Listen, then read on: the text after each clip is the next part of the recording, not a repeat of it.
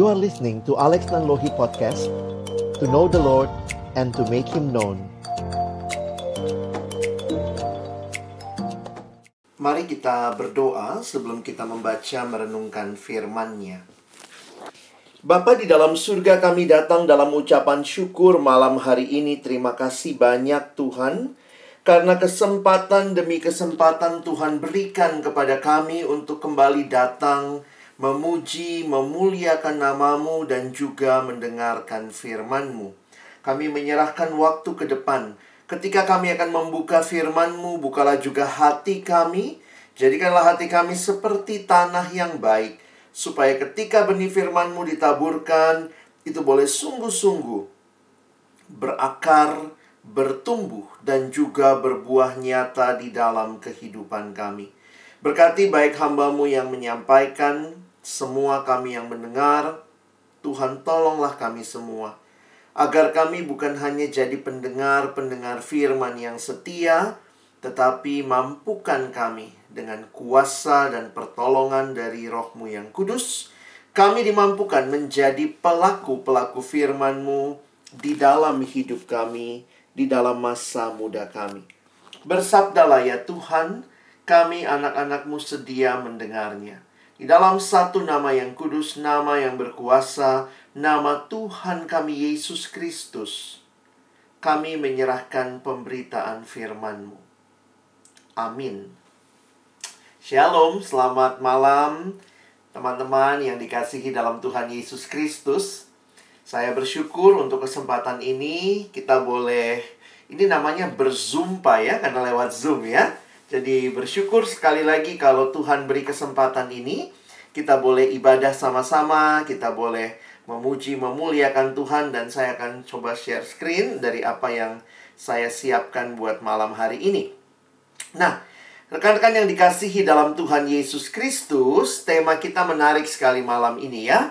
Connected while isolated. Ya, kalau lihat ini generasi yang unik ya, teman-teman, dan saya juga jadi ikut merasa bagian dari generasi yang selalu ingin terhubung. Bahkan ini generasi yang paling takut kalau nggak connect, kira-kira begitu ya. Takut kalau wifi mati gitu ya. Kalau kuota habis, rasanya langsung terisolasi begitu rupa. Sehingga banyak yang bilang, ya walaupun saya tidak ketemu teman-teman, saya tetap terhubung kok, bang masih bisa kontak, masih bisa komunikasi, dan seterusnya. Memang realitanya, ini yang perlu kita ingat sama-sama begitu ya. Tetap terhubung di tengah-tengah kita masing-masing mungkin tidak bisa berjumpa secara fisik. Nah, corona yang memang belum selesai ini, corona yang awalnya ini kan cuma masalah kesehatan. Maaf ya, saya pakai istilah cuma, karena ya memang benar ini masalah kesehatan tetapi kemudian ini menjadi masalah yang bukan hanya kesehatan, ini sampai jadi masalah sosial, masalah ekonomi, masalah ya buat orang-orang yang harus kerja juga harus bekerja dari rumah. Ya beberapa sekarang sudah mulai bisa masuk ya. Bersyukur untuk penurunan uh, kondisi Covid di bangsa kita. Lalu juga kita lihat ini bahkan jadi masalah spiritual kita aja ibadahnya harus online. Beberapa gereja sekarang kalaupun sudah buka onsite terbatas dan bahkan masih harus buka pelayanan online ya. Tentunya di beberapa kota besar itu jadi masalah ya karena mungkin sulit untuk bisa menggabungkan kembali seperti dulu. Nah, sehingga buat teman-teman yang juga ada di kampus, nah ini juga jadi pergumulan ya, khususnya mahasiswa baru ya, angkatan online. Wah, rasanya senang masuk kampus, eh masih online ya. Belajarnya pun masih online, kita bikin tugas juga masih online dan saya pikir ya tidak sedikit orang yang merasakan uh, kelelahan, mungkin juga merasakan uh, banyak situasi dengan Covid dan juga secara khusus dengan online ini. Tapi saya ingin mengajak kita melihat begini, sesuai dengan tema kita malam hari ini. Saya mau ajak kita mengerti kata connected. Mengapa ini jadi penting ya? Bahwa ternyata di dalam situasi pandemi ini membuat kita bisa kembali melihat hal apa sih yang penting dalam hidup. Coba ya, memang pandemi ini akan bisa menolong kita juga melihat beberapa hal yang biasanya sebelumnya mungkin kita sudah sangat terbiasa sehingga kita bahkan nggak menyadari ya. Coba abang pikir gini ya, pernah nggak teman-teman begini ya, misalnya kamu yang pernah uh, ini kalau bicara kampus nggak semua pernah ke kampus kali ya. Yang sekolah deh gitu ya. Mungkin kamu dulu dari rumah pergi ke sekolah tiap hari lewat jalan itu Tiap hari rutenya sama, dari rumah ke sekolah, sekolah ke rumah. Tiap hari lewat situ. Tapi pernah nggak setiap hari sudah lewat situ, tiba-tiba kamu hari itu memperhatikan ada satu pagar rumah yang kamu lewati dalam perjalanan ke sekolah, dan kamu baru ngeh, kamu baru sadar, eh, warna pagarnya ternyata hijau ya.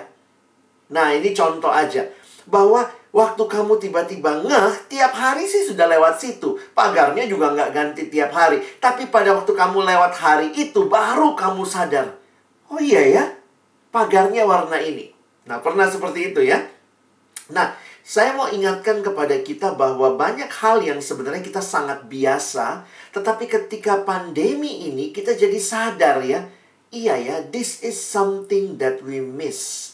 Ini hal yang hilang dan menarik sekali dalam banyak survei, kalau orang ditanya apa sih yang hilang waktu pandemi itu, banyak yang bilang yang hilang itu relasi. Ya, yang hilang itu katanya connection, relasi. Tapi ya ini juga jadi menarik ya. Pandemi ini makin menunjukkan siapa kita.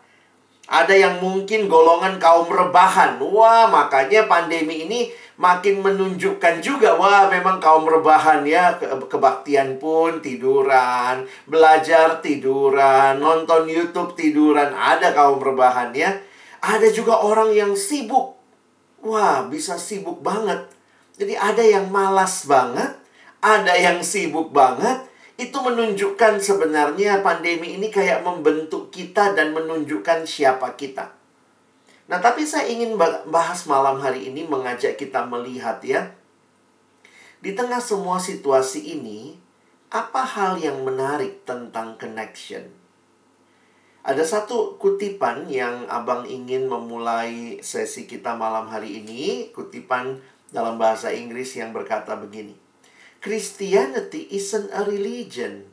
It's a relationship with God through Jesus Christ. Kekristenan itu bukan sekadar agama, teman-teman ya. Tetapi kekristenan adalah relasi dengan Allah melalui anaknya Yesus Kristus. Mengapa demikian?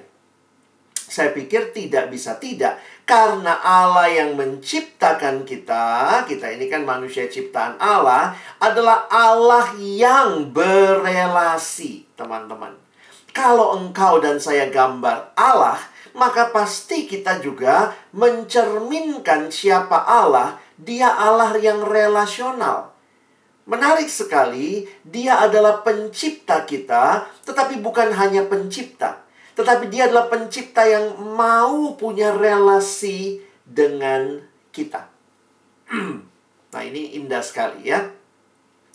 Saya sering kali kalau lihat kenapa ya banyak orang suka ngefans sama grup musik tertentu lah ya. Sebenarnya karena mereka merasa connection. Ada relasi. Wah, ada relasi ya. Makanya kalau lihat misalnya nggak tahu ada yang suka BTS di sini. Wah, mungkin kamu bilang saya ARMY kak, saya ARMY gitu ya. Wah menarik sekali gitu kalau konser lah si ARMY ini kita uh, eh, BTS ini kita mungkin lihat semua orang bisa nyanyi lagunya, bisa niruin gerakannya, disuruh angkat tangan, angkat tangan begitu ya. Kenapa? Ada feel connection. Ada relasi yang dilihat dan dirasakan. Sehingga yang menarik begini ya. Kita merasa kenal BTS. Tapi BTS kenal kamu nggak? Siapa yang merasa dikenal BTS? Wah, kamu bisa jadi semua posternya begitu ya. Kadang-kadang repost Instagramnya fotonya BTS. Ada juga foto zoomnya BTS gitu ya. Saya kadang-kadang bingung ini. Lu siapa gitu ya? Namanya perempuan kok. Wajahnya wajah Korea. Tapi yang menarik itu, itu fenomena bahwa manusia selalu ingin berelasi, tetapi pada saat yang sama, khususnya dalam kaitan selebriti, uh, kamu kenal dia, rasanya kamu kenal dia, tapi dia nggak kenal kamu, ya.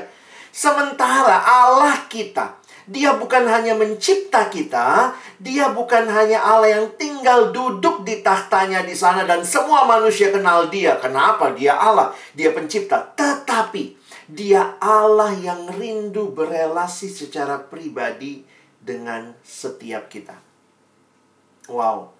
Ini satu kebenaran yang sangat berbeda. Ketika dunia bicara pengenalan, Dunia mungkin hanya bicara pengenalan yang satu arah. Kita kenal dia. Kita pun rasa kita kenal dia. Tapi sebenarnya dia nggak kenal kita. Makanya sebenarnya tidak ada pengenalan yang sungguh-sungguh. Karena pengenalan itu harusnya dua arah. Nah, sementara kekristenan berbicara tentang Allah yang personal, yang mau punya relasi dengan setiap kita. Saya kutip satu kalimat dari teolog Nicky Gamble. Dalam satu tulisannya dia bilang begini. Pria dan wanita diciptakan untuk hidup dalam hubungan dengan Allah. Tanpa hubungan tersebut akan selalu ada rasa lapar, sebuah kekosongan, dan sebuah perasaan yang hilang. Wah, menarik sekali kalimatnya, dalam sekali. Dia mau menunjukkan kepada kita bahwa memang demikianlah desain kita dicipta. Teman-teman, kita didesain oleh Allah yang relasional itu sebagai makhluk yang relasional. Dan relasi pertama dan terutama harusnya dengan dia, pencipta kita. Makanya, kalau perhatikan, kenapa manusia senang dengan relasi dan rindu relasi? Ya, karena Allah yang ciptain, Allah yang relasional. Nah, karena itu Nicky Gamble melanjutkan kalimatnya. Perhatikan baik-baik ya tidak ada satupun hubungan manusia, maksudnya dalam relasi manusia, yang dapat memuaskan atau yang dapat terus bertahan. Nah, ini dua hal yang sebenarnya kita cari. Teman-teman, kalau kamu longing lihat dirimu, ini yang kita cari. Relasi yang memuaskan, tetapi juga relasi yang terus bertahan. Selalu akan ada yang hilang Contoh lah begini ya, ada nggak yang punya orang tua nggak bisa meninggal? Oh bapak mamaku dong nggak bisa mati gitu ya, nggak bisa meninggal. Semua relasi ada batasnya. Yang namanya relasi manusia tidak dapat terus bertahan. Selalu akan ada sesuatu yang hilang. Dan kalau kita, kenapa kita lihat, kenapa hati-hati saya itu selalu pingin relasi yang terus-menerus dan memuaskan, itu karena kita diciptakan dengan dalam hubungan dengan Allah. Karena satu-satunya pribadi yang bisa memuaskan kita terus-menerus karena dia kekal, hanya Allah. karena itu Nicky Gamble menyimpulkan, sekali kita memiliki hubungan dengan Allah, maka tujuan dan arti kehidupan akan menjadi semakin jelas. Nah, ini jadi menarik sekali untuk melihat teologi tentang relasi ini bahwa manusia bukan cuma makhluk yang dicipta seperti contohnya ada pembuat kursi bikin kursi. Habis dia bikin kursi ya sudah, dia nggak punya relasi dengan si kursi, dia nggak ngobrol-ngobrol dengan si kursi ya. Tapi Allah kita Allah yang rindu memiliki hubungan dan kita pun manusia selalu punya hasrat untuk relasi yang terus-menerus dan tidak bisa yang bisa memuaskan itu hanya menunjukkan bahwa memang kita dicipta untuk berelasi dengan Allah. Karena itu manusia hanya menemukan kepuasan sejati di dalam penciptanya. Sederhana sekali. Makanya kalau ditanya, apa itu dosa? Bapak John Piper memberikan definisi yang menarik tentang dosa.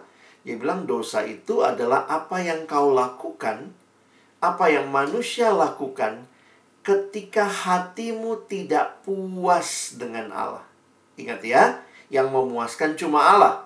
Tetapi sin is what you do when your heart is not satisfied with God. Wah, ini terjadi sejak kapan? Sejak di Taman Eden ya. Manusia tidak cari Tuhan, tidak menikmati kepuasan dalam Tuhan, lalu cari yang lain. Makanya coba bayangkan ya, kalau Tuhan satu-satunya pribadi yang bisa kasih kepuasan kamu tolak, apalagi yang bisa memuaskan. Dengar kalimat abang sekali lagi.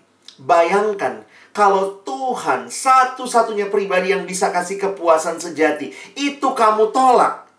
Lalu kamu cari kepuasan yang lain, mana bisa? Gak mungkin. Ini orang pintar ya. Tetapi dia bukan hanya pintar. Karena kalau kita ketemu rumusnya di sekolah, kita pasti ingat ya, namanya Blaise Pascal. Tetapi dia bukan cuma orang pintar, ilmuwan, tapi dia ilmuwan Kristen yang taat. Bahkan beberapa tulisan Blaise Pascal, dia menulis buku rohani, ya. Kalimatnya apa? Hati manusia biar kecil, namun jika seisi dunia diisi ke dalamnya, tetap tidak akan memuaskannya. Hanya Sang Pencipta yang bisa memuaskannya. Oke, sekarang kita refleksi sebentar ya. Coba lihat masa-masa kita sedang isolasi ini, tanda kutip ya nggak bisa ketemu. Lalu kemudian manusia tuh hatinya kita mengembara ya. Selalu mau cari apa sih yang bisa bikin saya senang. Apalagi katanya ini generasi bosanan ya. Nonton Youtube sudah, main game sudah, nonton drakor sudah, nonton ini, nonton itu, lihat K-pop, lihat musik, lakukan ini, lakukan itu, olahraga segala macam. Tapi ada juga orang yang akhirnya bilang, saya tetap merasa kosong Nah, saya bilang ya, mungkin kamu harus dengerin Blaise Pascal ya. Bukan berarti semua yang lain tidak penting. Kamu butuh nonton hiburan ya, dengar musik, nonton drama, mungkin main game juga boleh. Nggak ada yang dilarang. Tetapi poinnya adalah ketika engkau tidak berjumpa dengan pribadi yang memuaskan hatimu, saya pikir di situ masalah utamanya. Ketika game jadi segala-galanya, bahkan sampai kecanduan, tidak lagi melihat di mana Tuhan. Jadi orang main game boleh, tetapi kalau main game itu jadi kecanduan, lalu kemudian kamu menyepelekan Tuhan, tidak bisa lagi membedakan mana keinginan, mana kebutuhan, teman-teman, itu bukan cuma masalah sepele ya, itu sudah kecanduan. Kalau misalnya drama Korea membuat kamu tidak bisa lagi membedakan mana tugas utamamu. Jadi kalau orang nanya, menurut abang kecanduan itu kayak apa? Sederhana aja. Kalau ternyata kamu tidak bisa lagi membedakan mana tugas utama, mana yang sambilan. Contoh, kamu kan mahasiswa, tugas utamamu belajar, nonton drama Korea sambilannya. Tapi kalau ternyata jadinya kamu nonton drama Korea utama, kuliah sambilan. Ya, kuliah. begitu kuliah males gitu ya. Nah, udah kelihatan tuh. Kamu berarti merasakan bahwa seolah-olah tugas utamanya adalah drama Korea. Nah, bicara tentang hati seperti ini bisa panjang ya. Tapi saya ingin mengajak kita melihat seorang rasul yang kita kenal, yaitu Rasul Paulus. Di dalam tulisan yang dia sharingkan kepada jemaat Filipi di dalam Filipi pasal 3 ayat 10 sampai 11. Kita baca ayat ini sama-sama ya. Yang ku kehendaki ialah mengenal dia dan kuasa kebangkitannya dan persekutuan dalam penderitaannya di mana aku menjadi serupa dengan dia dalam kematiannya supaya aku akhirnya beroleh kebangkitan dari antara orang mati. Teman-teman ada beberapa hal menarik yang saya mau coba angkat untuk kita renungkan, kita pikirkan. Kalau dipikir-pikir Rasul Paulus lagi ada di mana waktu nulis kitab Filipi? Dia juga lagi diisolasi teman-teman ya. Karena dia dalam penjara. Memang bukan karena COVID dia dipenjarakan, dia dipenjarakan karena dia memberitakan Injil. Surat Filipi dikirim Paulus dari dalam penjara. Tetapi bagi saya surat ini menunjukkan hatinya si Paulus yang luar biasa. Ini surat yang cukup personal. Surat yang Paulus cerita tentang bagaimana dia melihat Yesus segala-galanya dalam hidupnya. Saya tidak tahu bagaimana teman-teman. Kamu sudah ikuti kebaktian paling tidak di semester ini sejak kalian ikut kebaktian mungkin mahasiswa baru, kalian sudah ikuti ibadah begitu ya. Tapi saya mau menyimpulkan dari sharingnya Paulus. Waktu melihat sharing Paulus di surat Filipi, Paulus sharingnya itu sangat jelas tentang bagaimana hidupnya yang saat ini. Ini katanya generasi GPS ya. Wah, posisi sangat penting. Dan Paulus tahu betul posisinya. Dia sharing di Filipi 3. Dulu aku hidup dalam dosa. Tetapi apa yang dahulu merupakan keuntungan bagiku sekarang ku anggap rugi karena Kristus. Dia melihat dia ada di dalam Kristus. Karena itu saya mau mendorong kita semua Dengarkan Injil Tuhan malam hari ini. Bahwa hidup yang utama bukan mencapai apa. Tetapi kamu ada di dalam siapa. Apakah kamu sudah terima Yesus dalam hidupmu? Apakah engkau sudah buka hatimu menerima Yesus sebagai satu-satunya Tuhan dan Juru Selamat? Ini yang Paulus alami. Dia terima Yesus. Dia lihat hidupnya berubah. Nanti baca Filipi 3. Mulai ayat 8 ke bawah ya. Dan malam ini saya langsung ke ayat 10 dan 11. Apa yang disampaikan sama Paulus di ayat 10 dan 11? Teman-teman waktu Abang gali surat ini menarik sekali karena Paulus ini bukan orang baru Kristen. Jadi bukan kayak baru ikut retret, wah dia terima Yesus, wah dia ikut KKR, dia baru jadi orang Kristen. Tidak. Waktu Paulus tulis surat Filipi, dia sudah jadi orang Kristen paling tidak 25-an tahun lebih. Jadi coba bayangkan, 25 tahunan Paulus sudah jadi orang Kristen. Nah, coba bayangkan, dia sudah jadi orang Kristen sekian lama, lalu kemudian dia sudah melayani ke mana-mana, dia sudah menjadi rasul besar, dia menuliskan surat-surat yang penting, lalu dia tulis kalimat ini. Nah ini abang coba bayanginnya begini ya, biar gampang kita bayangkan. Bayangkan Paulus waktu itu dalam penjara, lalu ada yang mau wawancara dia. Wih, datang ternyata harian Filipi Post. Wah, bayangkan kalau ada wartawan dari Filipi Post datang dan ketemu Paulus dalam penjara, minta akses. Saya mau wawancarai orang ini. Lalu kemudian dia mulai wawancara. Rasul Paulus, Anda rasul besar, luar biasa, pelayanan luar biasa, sudah 25 tahunan jadi orang percaya, hebat sekali Anda sudah pergi ke mana-mana. Boleh nggak saya tahu, apa lagi yang jadi kerinduanmu? Lalu Paulus menjawab dengan santai saja. Dia bilang begini, yang ku kehendaki ialah mengenal dia. Kalau saya jadi wartawannya, pasti saya bilang e, sebentar Pak, Pak Paulus, ulangi ulangi apa? Yang ku kehendaki lah mengenal dia. Loh, Bapak bukannya sudah kenal Tuhan.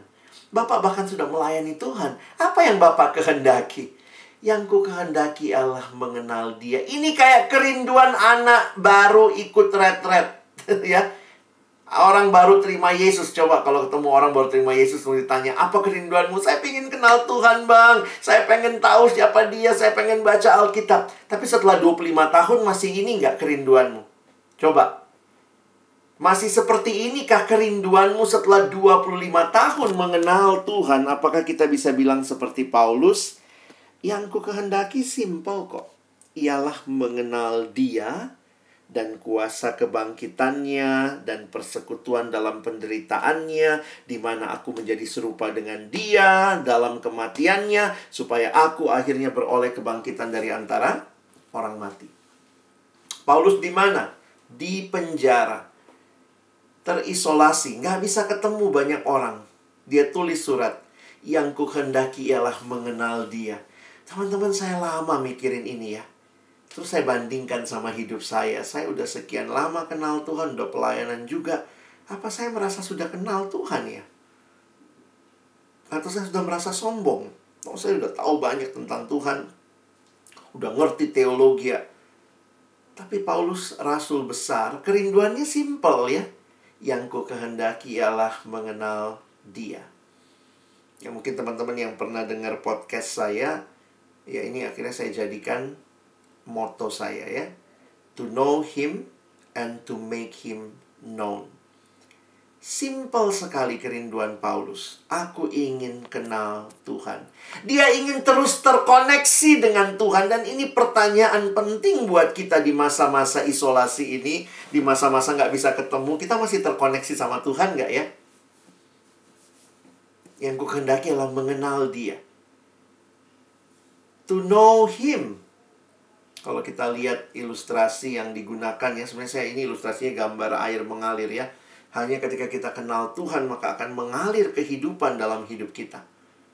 Tujuan hidup Paulus adalah mengenal Allah. Sehingga seluruh aspek kehidupan Paulus dia arahkan untuk mengenal Allah. Termasuk melalui pelayanannya, Paulus merindukan dirinya semakin mengenal Allah. Nah ini kira-kira pengenalan seperti apa? Ada beberapa hal yang saya ingin bagikan malam hari ini. Pengenalan Paulus adalah pengenalan yang lebih daripada sekadar pengetahuan lebih daripada sekadar mengenal, tahu, oh Tuhan ini begini, begini, begini. Bisa menjelaskan kalau ujian agama penuh kertasnya. Yes, itu pasti ada informasinya. Tetapi bagi Paulus, pengenalannya pengenalan yang lebih dalam. Bukan sekadar informasi, tetapi relasi yang dimulai di dalam iman kepada Yesus. Dia terima Yesus karena itu dia tahu siapa Kristus, dia makin kenal dia. Teman-teman, istilah yang digunakan coba lihat ayat 10 11 nya menarik ya. Yang kuhendakilah mengenal dia dan kuasa kebangkitannya dan dalam penderitaannya. Jadi bukan cuma tahu, tapi Paulus menghayati seperti berbagian masuk ke dalam apa yang menjadi pengalamannya Yesus. Dan ini adalah sebuah pengenalan yang transformatif. Karena ini pengalaman pengenalan yang mengubahkan. Tahu dari mana? Lihat ayatnya bilang apa ya? Dia mengatakan yang kuhendakilah mengenal dia dan kuasa kebangkitannya. Supaya di dalamnya aku menjadi serupa dengan dia. Jadi bukan cuma tahu, tapi menjadi sama, semakin serupa dengan Kristus. Wow, ini yang perlu kita ingat ya di masa-masa kita saat ini sedang sibuk mungkin dengan kehidupan kita, baik kehidupan kaum rebahan yang malas atau mungkin kehidupan kaum produktif yang overload gitu ya. Kadang-kadang kita harus ingat apakah kita makin kenal Tuhan atau tidak. Saya pikir itu yang harusnya jadi penentu dalam kita mengukur kehidupan kerohanian kita kita masih connect nggak sama Tuhan. Kenapa? Karena saya makin meyakini kalau kita connect dengan Tuhan, maka kita akan bisa menata seluruh bagian kehidupan kita. Dengar kalimat ini baik-baik ya. Hanya ketika engkau dan saya connect dengan Tuhan, maka sebenarnya kita bisa menata seluruh bagian hidup kita yang lain.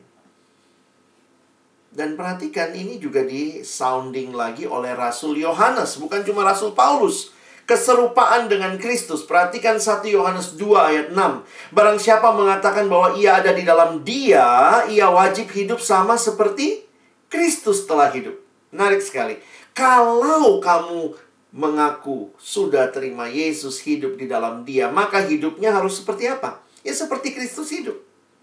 Menarik sekali di sini tidak dikatakan kalau sudah dalam Kristus wajib hidup sama seperti pendetamu, mungkin sama seperti kakak kelompokmu atau mungkin sama seperti uh, orang tuamu, uh, guru dosen agamamu, enggak seperti itu. Standarnya bukan manusia. Ketika engkau dan saya hidup di dalam Dia, kita wajib hidup sama seperti Kristus hidup.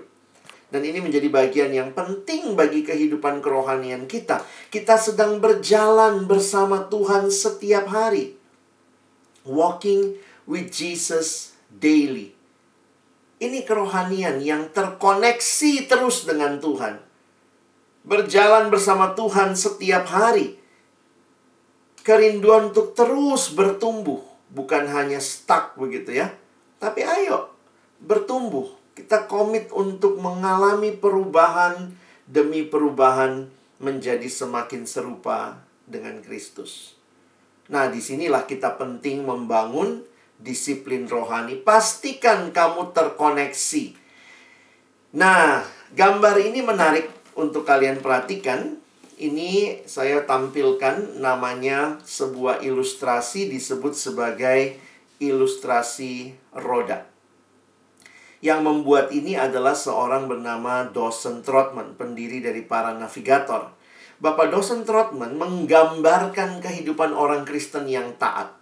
Jadi saya coba lihat ini begini teman-teman. Mau lagi pandemi kah, tidak pandemi kah, mau kamu lagi isolasi kah, atau nggak isolasi, sama sebenarnya. Prinsipnya hidup kita harus terkoneksi dengan Tuhan. Pastikan itu.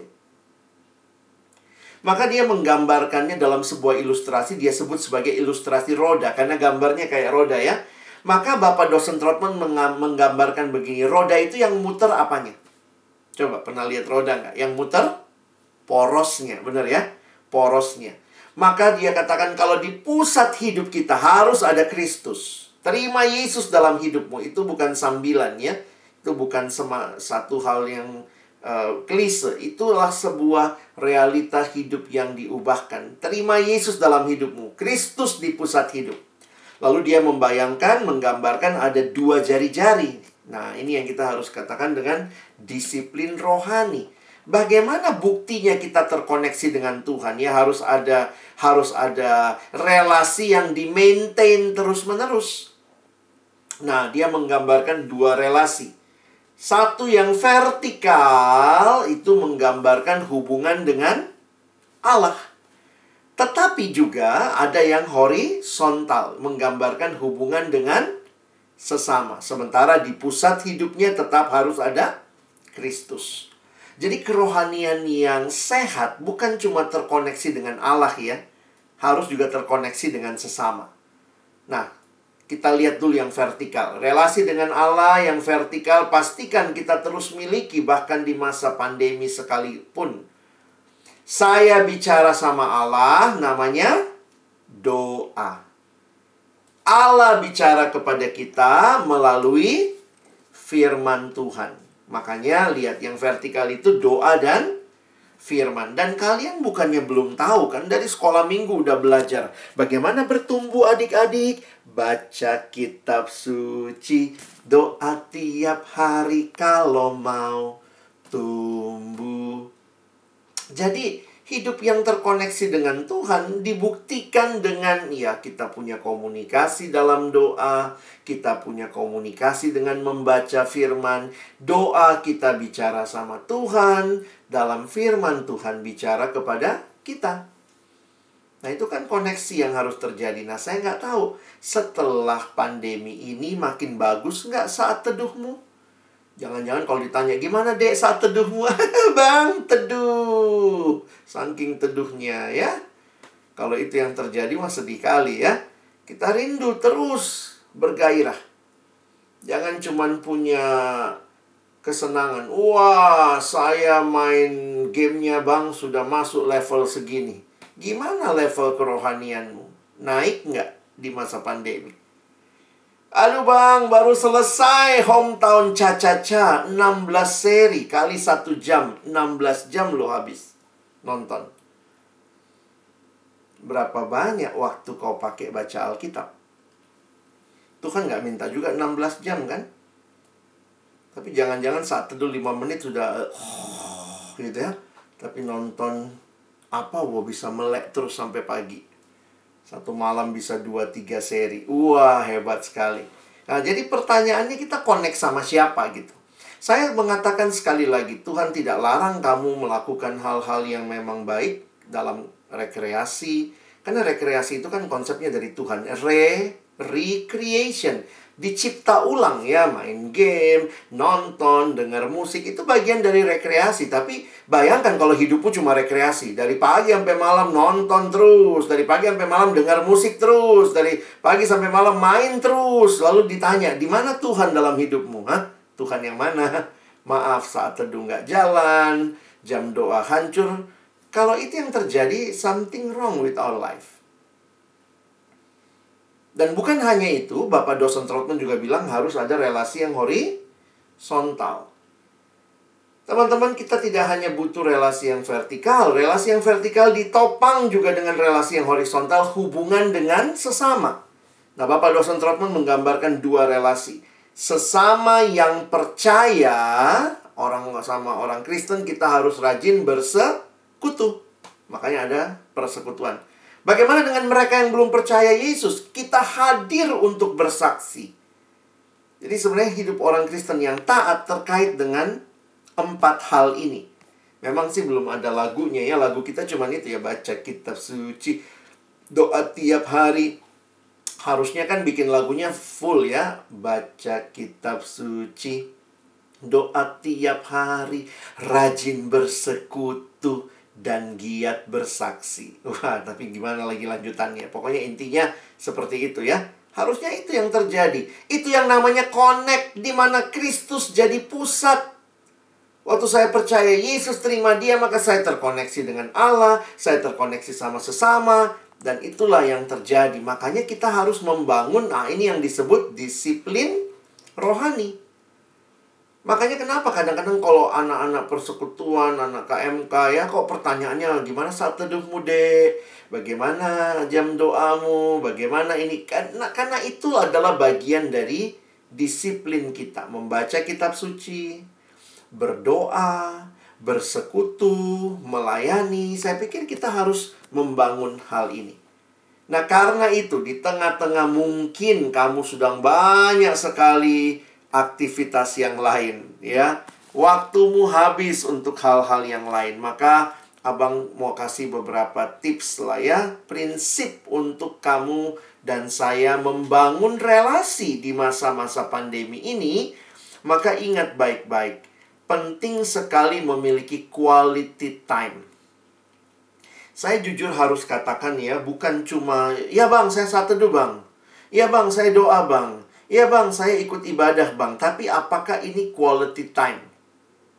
Bisa bedain nggak? Saya saat teduh itu satu hal. Tapi apakah saya saat teduh di waktu yang berkualitas? Ada yang bilang, saya nggak nikmati bang saat teduhku. Aduh gimana nolong adek ini ya? Terus saya ngajak dia ngobrol, korek-korek sedikit. Saya bilang, kok saat teduhnya kapan deh? Malam bang, sebelum tidur. Oh begitu. Kau tidur jam berapa? Biasanya aku tidur jam-jam 12 bang. Jadi kau saat teduh jam berapa? Ya kira-kira eh, uh, 10 menit lah bang sebelum tidur. Pantes. Masalahnya bukan di saat teduh atau tidak, tapi kau saat teduh bukan di waktu yang berkualitas. Kau saat teduh di jam tidur. Kalau kau tidur jam 12 malam, masa saat teduhmu jam 12 kurang 15? Itu kan membawa diri ke dalam pencobaan ya. Iya dong. Pernah nggak baca Alkitab karena jam tidur ya baca Alkitab gitu waktu baca selesai baca terus baca apa barusan ya? Kalau kau suka begitu ya mungkin jangan-jangan kau tidak lagi datang di waktu yang berkualitas. Jadi membangun relasi, membangun connected with God itu juga harus ditentukan dengan quality time. Doa, doamu bagaimana? Iya bang, lagi nggak menikmati. Kenapa juga nggak menikmati? Waktu ditanya, ternyata jam doanya di jam tidur. Kau tidur jam berapa deh? Jam-jam 10 bang. Kau doa? Ya 10 kurang 5 bang. Ya itu membawa diri ke dalam pencobaan. Jadi mulailah dia doa, Tuhan, aku bersoal, amin. Tiba-tiba gini, bicara apa barusannya? Pernah nggak kayak gitu? Udah panjang doanya, eh, ngomong apa barusan ya? Itu karena apa? Karena kau tidak datang di jam yang berkualitas. Jadi mungkin coba evaluasi lagi ya. Karena banyak teman-teman yang bilang, "Bang, makin makin di rumah, makin online, aduh, relasiku dengan Tuhan hancur." Nah, tapi relasimu sama drama Korea berhasil. Relasimu sama game berhasil, ada something wrong dong. Berarti kok bisa relasi yang lain berhasil sama Tuhan nggak berhasil? Nah, periksa quality time-mu. Makanya saya suka bilang sama adik-adik KTB saya, jam berapa kau tidur? Jam 10 bang. Ya kenapa kau nggak doa jam 8 malam? Jam 8 sampai jam 8.15 doalah di jam itu. Karena itu bukan jam tidurmu. Jadi di jam itu kau masih ngeh. Masih apa ya? Ngeh tahu ya bahwa orang Jawa ya kalau orang Batak bilang ngeh ya. Kau sadar gitu. Di waktu kau sadar di situ kau baca Alkitab, di situ kau berdoa. Jadi kita nggak tahu juga ya dari mana itu dikasih doktrin kayaknya doa sebelum tidur. Ya, kalau kau datang sebelum tidur lalu bilang, "Tuhan, saya mau doain seluruh dunia di jam tidur." Wih, panjang doamu, aminnya besok pagi. Jadi lebih baik kamu doa jam 8 sampai jam 8.15. Ya sudah misalnya gitu ya. Setelah emangnya setelah itu ada peraturan habis doa mesti tidur enggak juga. Habis itu kau bisa lanjutkan lagi bikin tugas, ngerjain apa, nonton, main. Tapi nanti waktu mau tidur malam doanya singkat. Tuhan, mau istirahat, bangunkan besok pagi karena udah jam tidur. Dan kau sudah berdoa di jam yang berkualitas. Demikian juga baca Alkitab. Demikian juga waktu saat teduh, kamu teduh di, di waktu yang quality time nggak? Jadi bukan cuma masalah ya saya berdoa, saya bersaat teduh. Tapi koneksi itu harus diperjuangkan. Makanya mungkin teman-teman dan saya perlu manajemen waktu. Makanya ada yang bilang, sebenarnya manajemen waktu tuh nggak ada ya. Nggak ada tuh manajemen waktu. Kenapa? Karena semua orang dikasih waktu yang sama 24 jam. Ada yang 25? Atau ada yang 23 bang, aku cuma 23 bang kurang. Nggak ada. Semua kita dikasih waktu yang sama. Berarti masalahnya bukan di waktunya yang di manage ya. Makanya kalau dalam ilmu manajemen dia mengatakan it's not time management, it's more about life management. Actually time management is life management. Yang kamu harus atur adalah hidupmu yang kadang-kadang nggak setia, nggak konsisten. Nah itu yang mesti kita atur. Dan mari kita coba cari quality time ya dan tempatkan Tuhan yang paling utama. Makanya saya tidak terlalu suka dengan sistem prioritas yang uh, atas ke bawah ya. Sebenarnya lebih baik pakai pola ini ya. Pola pusat. Di mana kemuliaan Tuhan jadi yang utama di tengah, maka seluruh aspek hidup bagi kemuliaan Tuhan. Itu mesti tanya tuh. Bagaimana studiku untuk kemuliaan Tuhan? Bagaimana keluarga untuk kemuliaan Tuhan. Bagaimana saya berteman, bagaimana saya bermain, bagaimana saya rekreasi, bagaimana saya olahraga untuk kemuliaan Tuhan. Jadi sebenarnya semua aspek fokusnya untuk kemuliaan Tuhan. Memang kadang-kadang kita urutin ya, Tuhan nomor satu, eh, keluarga nomor dua, teman nomor tiga. Kadang-kadang susah ya. Kalau kamu meneruskan begitu, jangan-jangan nanti ada waktunya kayak Tuhan kegeser gitu ya. Nah, tapi kalau kamu taruh di tengah, maka seluruh aspek tanya, Bagaimana nonton drama Korea bagi kemuliaan Tuhan? Berarti nonton yang pas, yang umurnya pas, yang waktunya tidak menyita waktu yang lain. Nah, bagaimana main game untuk kemuliaan Tuhan? Maka saya main game yang baik, saya bisa tahu kapan berhenti, kapan lanjut, saya tidak men menyepelekan studi saya. Jadi selalu tanya nih, apa pun yang kamu lakukan, kan kalimat 1 Korintus 10 ayat 31.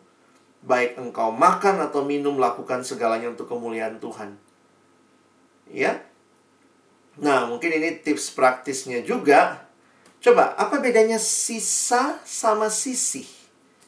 Gimana cara bedanya? Sisa sama sisi.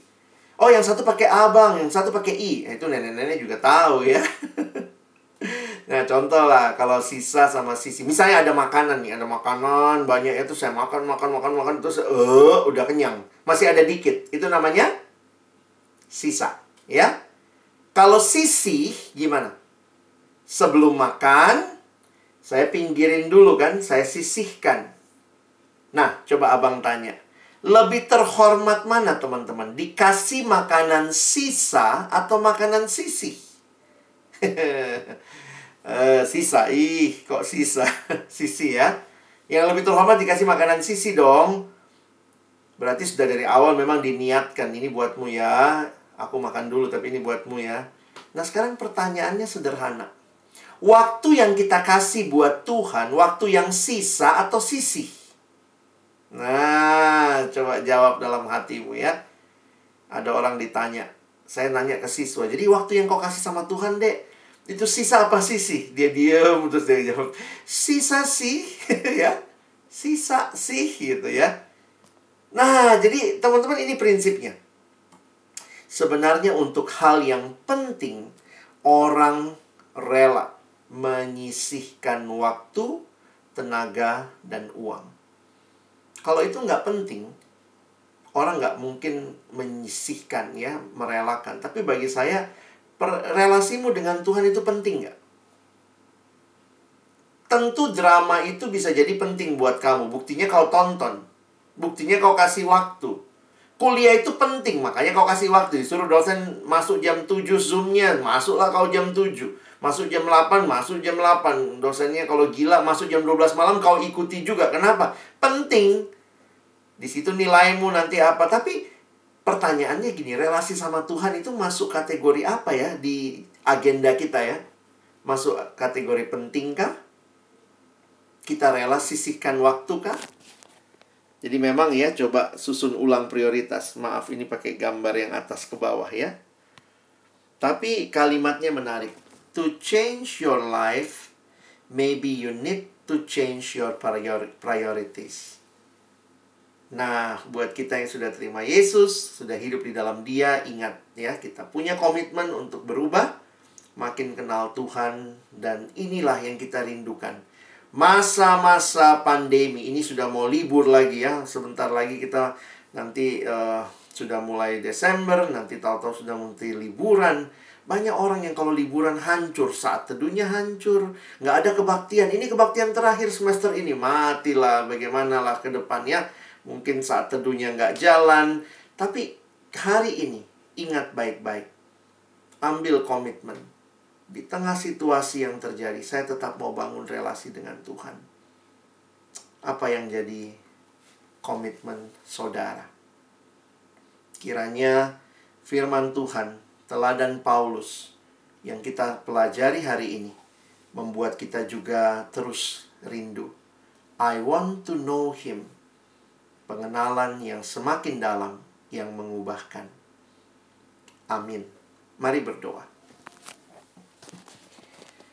Tuhan terima kasih buat firman-Mu. Kami bersyukur Tuhan mengingatkan kami. Di tengah-tengah begitu banyak hal yang sedang terjadi. Baik kami yang sedang memanfaatkan waktu dengan tidak baik. Mungkin kami banyak bermalas-malasan. Atau kami yang bahkan lupa waktu. Baik lupa waktu untuk nonton, untuk bermain, untuk belajar sehingga akhirnya hidup kami nggak seimbang dan kami tidak sedang memprioritaskan relasi-relasi kami dengan Tuhan. Tapi hari ini kami diingatkan bahwa di tengah segala situasi yang terjadi, kami membutuhkan kehadiranmu. Kami butuh supaya kami juga akhirnya ditolong. Boleh hidup seturut dengan kehendakmu. Kerinduan kami biarlah setelah mendengar firman ini, ada hati yang boleh mengambil keputusan-keputusan yang tepat, mengatur ulang prioritas-prioritas kami, agar hidup kami benar-benar kami persembahkan bagi kemuliaan Tuhan. Sekali lagi, terima kasih untuk firman-Mu. Tolong kami bukan cuma jadi pendengar, tapi jadi pelaku-pelaku firman dalam hidup kami. Dalam nama Yesus kami sudah berdoa, kami sudah bersyukur. Amin.